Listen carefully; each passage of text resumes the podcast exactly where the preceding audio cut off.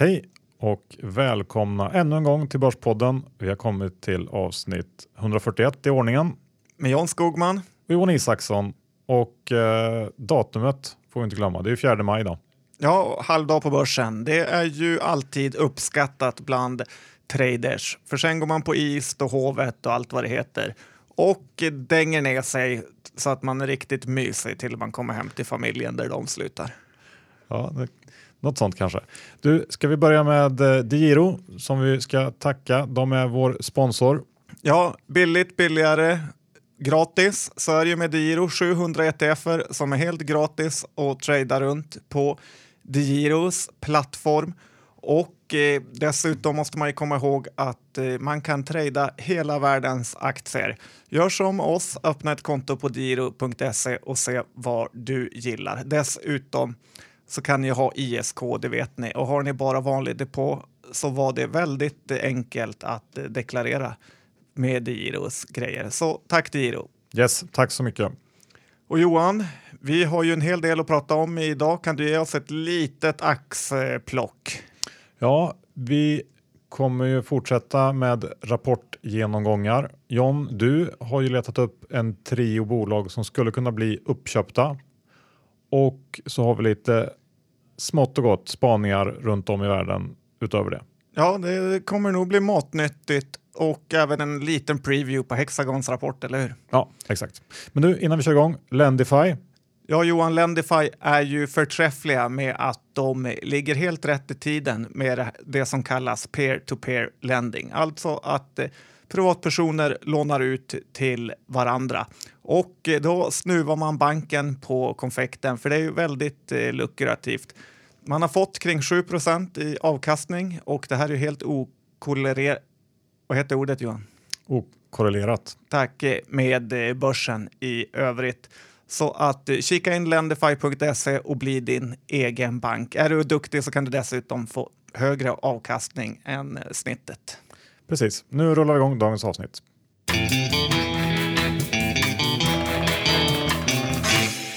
Johan Dr. Bass Isaksson. Index står i 1325 och eh, nästan varje dag senaste tiden går vi ner 1 eller mer.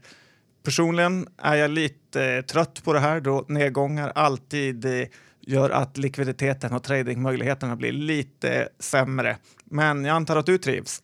Jag trivs. Vi har som du säger haft en eh, börs som varit ganska svag på slutet och vi börjar närma oss slutet på rapportsäsongen också. Och inte heller den har ju bidragit till att eh, lyfta upp humöret på börsen. Eh, för att ska man vara ärlig så har, vi, har det varit ganska svagt och den här trenden vi har sett sista tiden med nedjusteringar av prognoser tror jag kommer fortsätta efter rapportperioden nu. Det finns ingenting i rapporterna som som tyder på att det kommer att ändras och det bådar ju inte heller gott för börsen för att om prognosjusteringarna fortsätter neråt, ja då kan inte börsen gå upp. Det hänger ihop.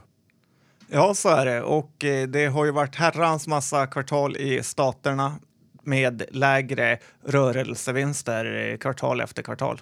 Ja, och vi får se om eh, börserna där också börjar tappa. Då tror jag vi får ännu svårare att, att klara oss klara oss eh, kvar här. Så att, um, och man ska komma ihåg också att vi går in i en säsongsmässigt lite svagare period nu. Sommaren börjar närma sig och uh, sen har vi hösten som också brukar kunna vara lite skakig. Så jag, tror, jag tror nog man kan eh, ta det lugnt nu om man har lite cash vid sidan om. Låt dem ligga där och vänta på bättre lägen. Ja, surprise att det rådet kom från dig. Å andra sidan har ju börsen nu gått ner i nästan ett år och eh, ja, jag är inte lika säker på att vi kommer fortsätta falla. Nej, vi får se. Jag såg här på morgonen att uh, vår kära TA-guru på Carnegie, Jonny Torssell, precis, han sa att här kring 13.25 så har vi ett viktigt, viktigt tekniskt stöd. Så att det kan vara värt att hålla lite koll här. Ja, Jonny brukar vara duktig så vi får hoppas att det håller för min del. Ja. Nästa vecka John, då kommer vi vara i Japan. Ja, Johan, det ska bli väldigt eh, spännande att eh, flyga dit. Jag har aldrig varit där heller. Nej, inte jag heller. Och vi har eh, ett gäng intervjuer inbokade på plats. Så nästa vecka sänder vi från Tokyo helt enkelt. Vi får se hur det går. Det vet man aldrig. Nej, men de har ju teknik där också. Ja, håll utkik där och vi kommer säkert eh, lägga ut lite bilder på vårt Instagram-konto också. Ja, det är ju ganska populärt nu. Mm. Och i helgen John så var det ju Berkshire Hathaways stämma som vanligt. Vi var inte där på plats i år, men eh, man kunde följa hela kalaset på nätet. Gjorde du det? Ja, ytterst eh, lite. Världen drog andan efter att se vad EFN skulle prestera, men de höll sig lugna i år, Johan. Ja, vad skönt. Det var ju annars höjdpunkten förra året. Men eh, stort så får man ju säga att Charlie Munger var ju lite orolig för det här med gratispengarna, vilket har lett till att eh, försäkringsindustrin fullkomligt, eh, all lönsamhet har försvunnit och alla vill eh, trycka in pengar där. Och vi har ju även sett här i Sverige och Norge bolag som Vardia som har gett sig in på fel grunder i den här branschen. Så Berkshire var inte alls lika committade i försäkringsbranschen längre, vilket jag tyckte var intressant. Ja. Sen börjar vi se någon slags race to the bottom här i Sverige när det gäller eh, courtage. Ja, så är det ju. Det är ju courtagekriget fortsätter. Avanza inför något som gör att man får gratis courtage om man har en depå under 50 000 kronor. Det är ju ett ganska smart trick då man lockar in unga personer och eh, förhoppningsvis utvecklas ju deras sparande under åren. Återigen blir det här ett hårt eh, slag mot Nordnet som hela tiden verkar befinna sig i någon situation och vara puck tvåa. Nu kommer vi förmodligen att få se ytterligare tryck på deras courtage då de nästan säkert måste följa med på något sätt. Och eh, DeGiro har ju redan infört nollcourtage på handel med ETFer så att the race to the bottom, Johan, är här för att stanna. Ja, det är kul för oss. Ja, verkligen. Det gynnar ju oss eh, högfrekvenshandlare. Ja, ja, det kanske man kan kalla oss. Sen kanske vi ska säga några ord om eh, Pep Day som vi körde igår. Det blev ju en succé. Ja, mycket tack vare Fredrik Westers charmerande framträdande och eh, aktierna tog slut på nästan en gång. Eller Ja. i princip en gång. Ja, några minuter, en kvart kanske. Ja. Så Och- det ja, jättekul. Ja, man kan fortsätta teckna på Pepins när de släpper olika transcher, men även via Avanza. Och innan vi går in och börjar snacka bolag John, så har vi en datapunkt när det gäller husmarknaden som kanske kan signalera att toppen faktiskt är här. Ja, den riktiga John Skogman Top kan vara något vi har sett och jag har klivit in och eh, satt ner foten och köpt ett eh, hus utan att sälja lägenheten. Tidigare har jag tajmat eh, topparna väldigt bra genom att eh, köpa just innan 2008, köpa just innan Fukushima 2011 och eh, sen nu kliver jag in. Så att eh, John Skogman Topp har vi sett och det kan dröja länge innan vi är på de här nivåerna igen.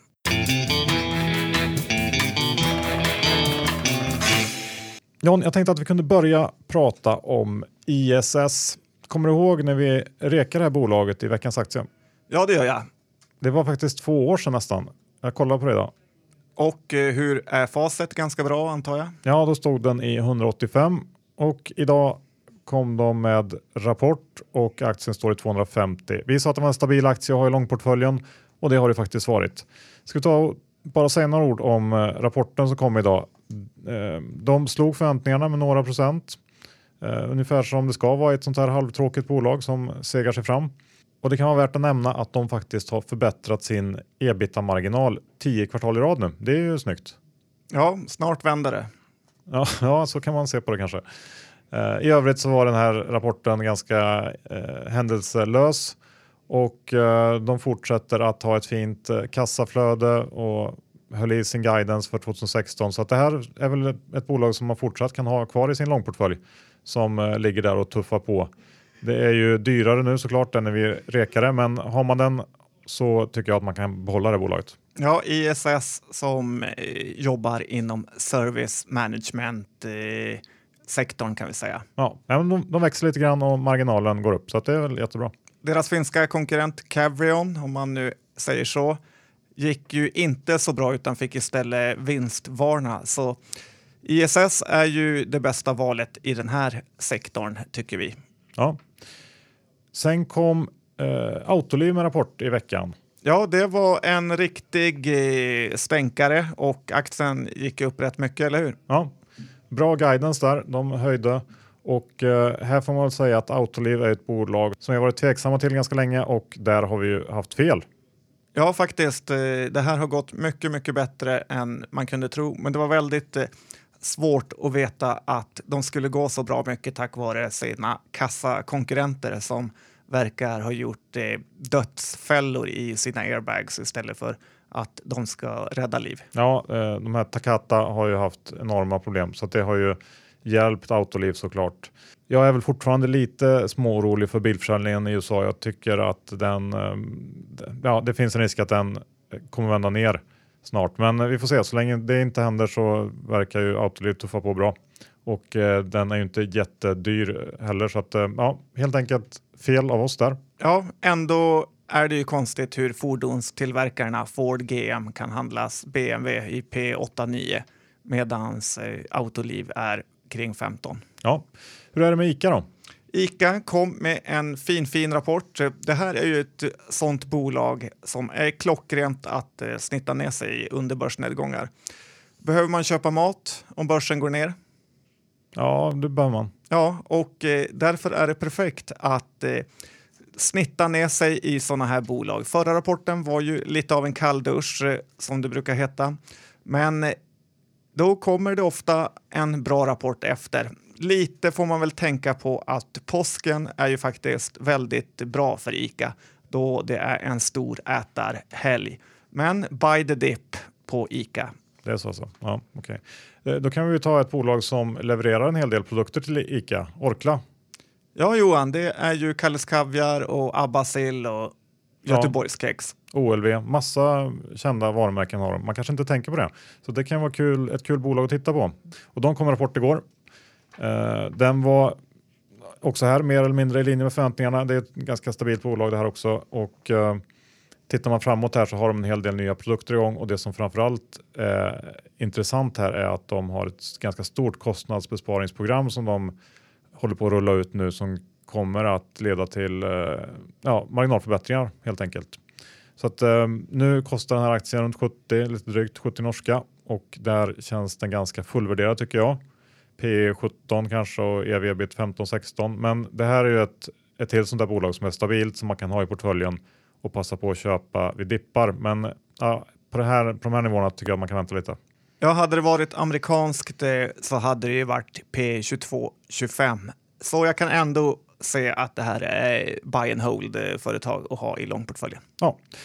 Du, Mr Green är ju en aktie som har fruktansvärt svårt att lyfta. Vad har du att säga om den? Ja, de har ju fått en ny vd i Jesper Kärrbrink, gamla Svenska Spel och Eniro-vdn. Och jag har pratat med en person som reste till Malta och eh, då var Jesper Kärrbrink med på flyget av en slump. Gissa vilket flygbolag som eh, den nya vdn åkte? Det var någon privatjet? Nej, det var Ryan Air faktiskt. Och eh, det som var ännu härligare var att han, när han väl kom fram till Malta, fick hoppa på flygbussen. Så jag kan skratta lite åt det. Jag vet inte om det är bra eller dåligt, om man sparar pengar eller om man underutnyttjar sin vds tid med att han får ge sig iväg till Skavsta.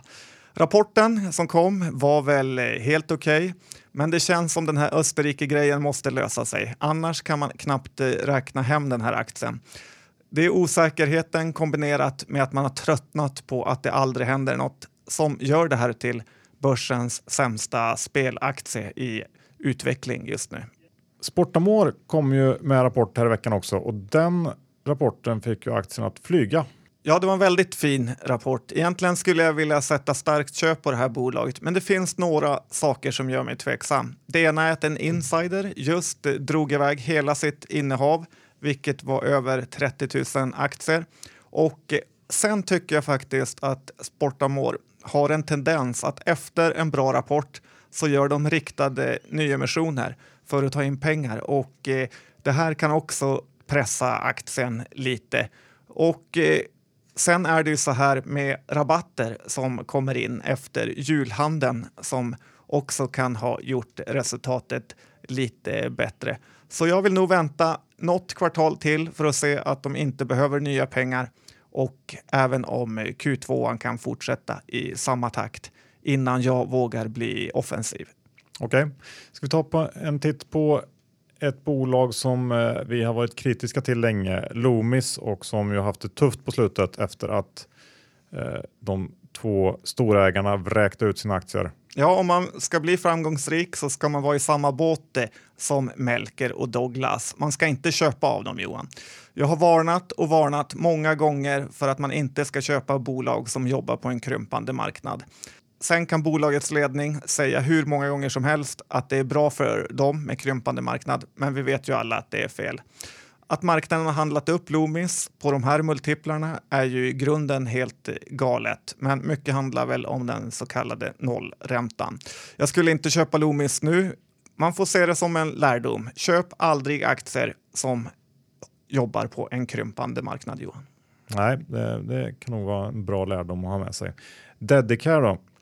Ja, det var en rapport som väl inte var så bra faktiskt. Bolaget skulle ju kunna sälja hur mycket som helst om det bara fanns läkare och sjuksköterskor. Problemet är ju att hitta folk och det är ju inget som kommer lösa sig. Sjukvårdsbemanningsbolagen börjar ju bli lite stuck between a rock and a hard place, som man säger i staterna.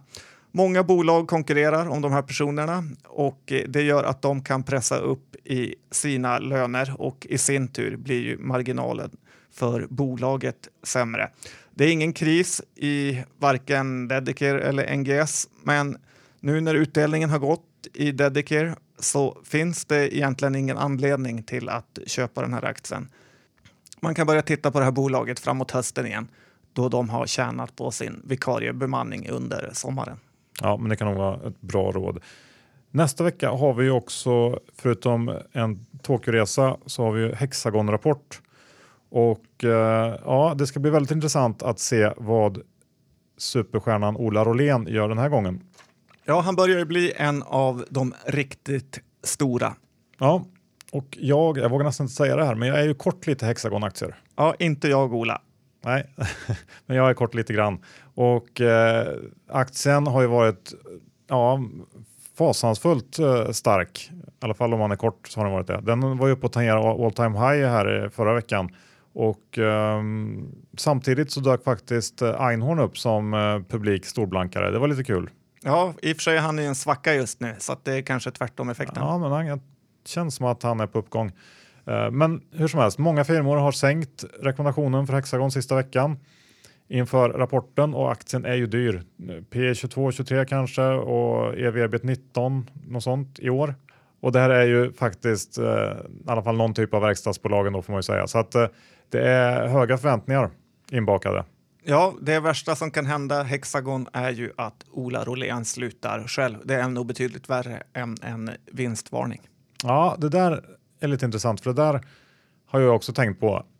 Och eh, det är spännande hur man tänker när man är lång jämfört med när man är kort. För nu när jag är kort så tänker jag att ja, men eh, om han slutar så kommer inte han bara sluta så där rakt upp och ner. Han kommer ju fixa till det här. Han kommer ju fixa ett uppköp eller någonting. Ja, det blir mind games med sig själv när man eh, är kort eller lång. Ja, så är det faktiskt. Men i alla fall Q4 var överraskande stark och eh, många verkar tro på en eh, liten besvikelse nu i Q1. Så att, eh, det blir spännande att se. Den här rapporten kommer in eh, tionde, samma dag som vi flyger iväg. Så att eh, jag kanske kommer att ta in mina aktier innan. Jag vet inte om jag vågar betta på att Ola inte ska leverera. Det är trist att landa i Tokyo några hundratusen fattigare. En av dagens snackisar är ju Fingerprints nya mål som de gick ut med i morse. Ja, de har eh, väldigt höga ambitioner och eh, de ska få en omsättning på kring 12 miljarder 2018 med en vinst på 4,2 miljarder kronor. Vinst per aktie ska då bli ungefär 50 kronor och eh, det blir ju P10 på dagens aktiekurs kring 500. Mm. Ja, jag såg en del analytikerkommentarer här på morgonen direkt efter ABG och Per Lindberg var ju tveksamma, trodde inte riktigt på det här, medan andra ja, tyckte att eh, det här var ju eh, tuffa mål och når de, de målen så är det bra. Så att vi, vi får se vad, vart det här tar vägen. Jag har svårt att ha någon jättestark uppfattning åt något håll när det gäller eh, Fingerprint. Just för att det är en marknad som rör sig så fruktansvärt fort så att eh, titta flera år fram i tiden. Ja, jag har svårt att göra det och uh, jag vet inte om någon kan det egentligen. Kanske, ja, nej. Kanske Ola Rolén. Så Johan, vad har vi mer för roliga bolag? Vi kanske ska säga några ord om eh, resursintroduktionen som ju blev lite av en flopp får man säga. Ja, det blev det och eh, vi tyckte att det var säkra pengar, vilket det i och för sig var om du sålde direkt. Aktien står i precis eh, samma som den kom in på, alltså 55 kronor. Jag kan tycka att ett p-tal kring 15 på resurs inte är egentligen så farligt om man jämför med andra bolag, typ eh, Collector, Hoist och allt vad de heter. Jag har köpt eh, lite mer, men man får tänka på att eh, blir det en svagare börs är det här typ exempel på bolag som kommer åka på hårt. Ja, så är det nog. MP3 då? Det lilla fastighetsbolaget. Ja, MP3 har vi pratat en hel del om. Jag föredrar Judiös, men jag tycker ändå att MP3 gör ett ganska bra jobb. Fastighetsaktier har ju varit rätt eh, sega sista tiden och det känns som att MP3 stått i mellan 41 till 43 kronor i ett år nu. Utdelningen har gått, så caset är ju rätt segt. Så har man inte köpa för att behålla så har man ingenting i den här aktien att göra. Men det är kul om man gillar Norrlands inriktning. Lite orolig är jag för att Ikeas inflytt till Umeå kan döda flera små industriaffärsområden och eh, där är MP3 rätt långa sedan sitt förvärv av eh, Kungsleden. Ja, det låter ju inte så jättekul tycker jag. Men, um, sist ut John så har vi en liten, liten uppköpsspecial. Ja, det har ju varit lite torka på uppköpsmarknaden, men jag försöker hitta tre möjliga affärstransaktioner. Ja, kör på så ska jag försöka betygsätta de här. Nummer ett Johan. Favoritbolaget Cloetta kom med en stabil rapport och aktien verkar bli den stabila kassako vi hoppades på. Tittar man internationellt är ju Cloetta bara en liten mumsbit för de stora jättarna och eh, här tror jag faktiskt att Orkla snart kan komma och lägga ett bud. Orkla har i och med att de sålde ut Gränges gått mer och mer mot att bli ett konsumentproduktbolag. De har fina märken som du nämnde tidigare, ABBA, Kalles Kaviar, Kex och med sina 70 miljarder i börsvärde så är Cloetta varken för litet men inte heller för stort för att eh, skapa integrationsproblem. Ja, men absolut, den kan jag köpa. 1 till 5? 4. Bra. Nummer två Johan, R&B har ju verkligen åkt på hårt sista tiden trots att man trodde att det här bolaget var på väg att reparera sig. R&B består ju som vi vet av tre delar. Pop, som är? Polarn och Pyret. Precis, och sen Brothers och alla butiker på NK. Tidigare var Brothers ett problembarn, men nu är det Polarn och Pyret som har spårat ur. Och på budarsidan här har vi MQ.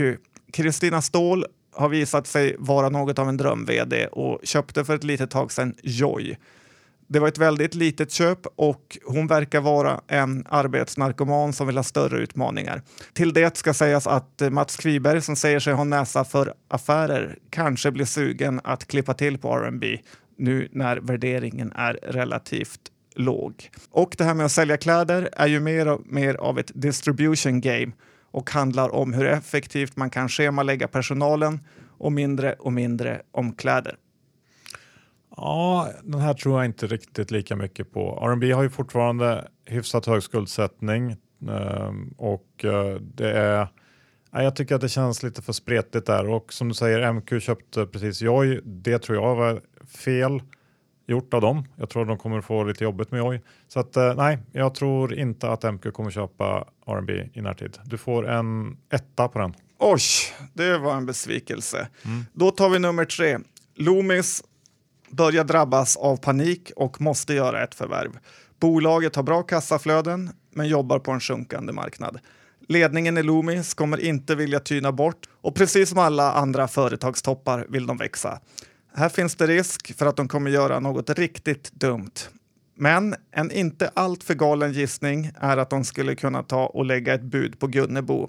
Här får man ett bolag som är på rätt väg, men det finns ändå mycket kvar att göra. Gunnebo innehåller många delar som Loomis skulle gilla, typ kassaskåp och bankomater och så vidare. Men några delar skulle de också kunna dumpa, till exempel staket. Loomis har ett börsvärde på 15 miljarder och Gunnebo kring 3. Så det är också en ganska lämplig kombo. Ja, um, här är jag väl också ganska tveksam om det ändå Jan. Tyvärr, jag måste säga det. Um, jag tror, visst, de kommer ju säkert att göra förvärv, men jag tror de kommer fortsätta att gräva sig djupare i den grop de redan står i. Ja, det kan vara dumt. Jag tror inte de kommer försöka bredda, men vi får se. Det, du får ändå, vi säger en tre här för att det inte ska bli för tri- trist avslutning. Ja, men tack. eh, Men kom ihåg att det här är bara helt vilda spekulationer och i grunden ingenting att ta rygg på. Men däremot kan det vara intressant att fundera i de här banorna ibland.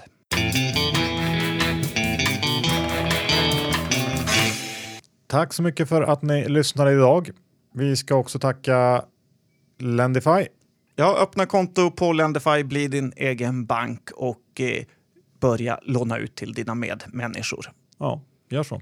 Och eh, vill ni handla aktier, då är ju DeGiro ett utmärkt val. Ja, det finns ISK, depå, gratis ETF-handel och eh, utöver det alla jordens aktier tillgängliga. Ja, och om ni är ute efter ett jobb, då tycker jag att ni ska gå in på Börsjobb, vår eh, jobbsajt som rullar på som bara den. Ja, det finns många intressanta jobb för både gammal som ung. Ja, eller om ni kanske har jobb som ni vill få in ansökningar till, då är ju Börsjobb utmärkt val.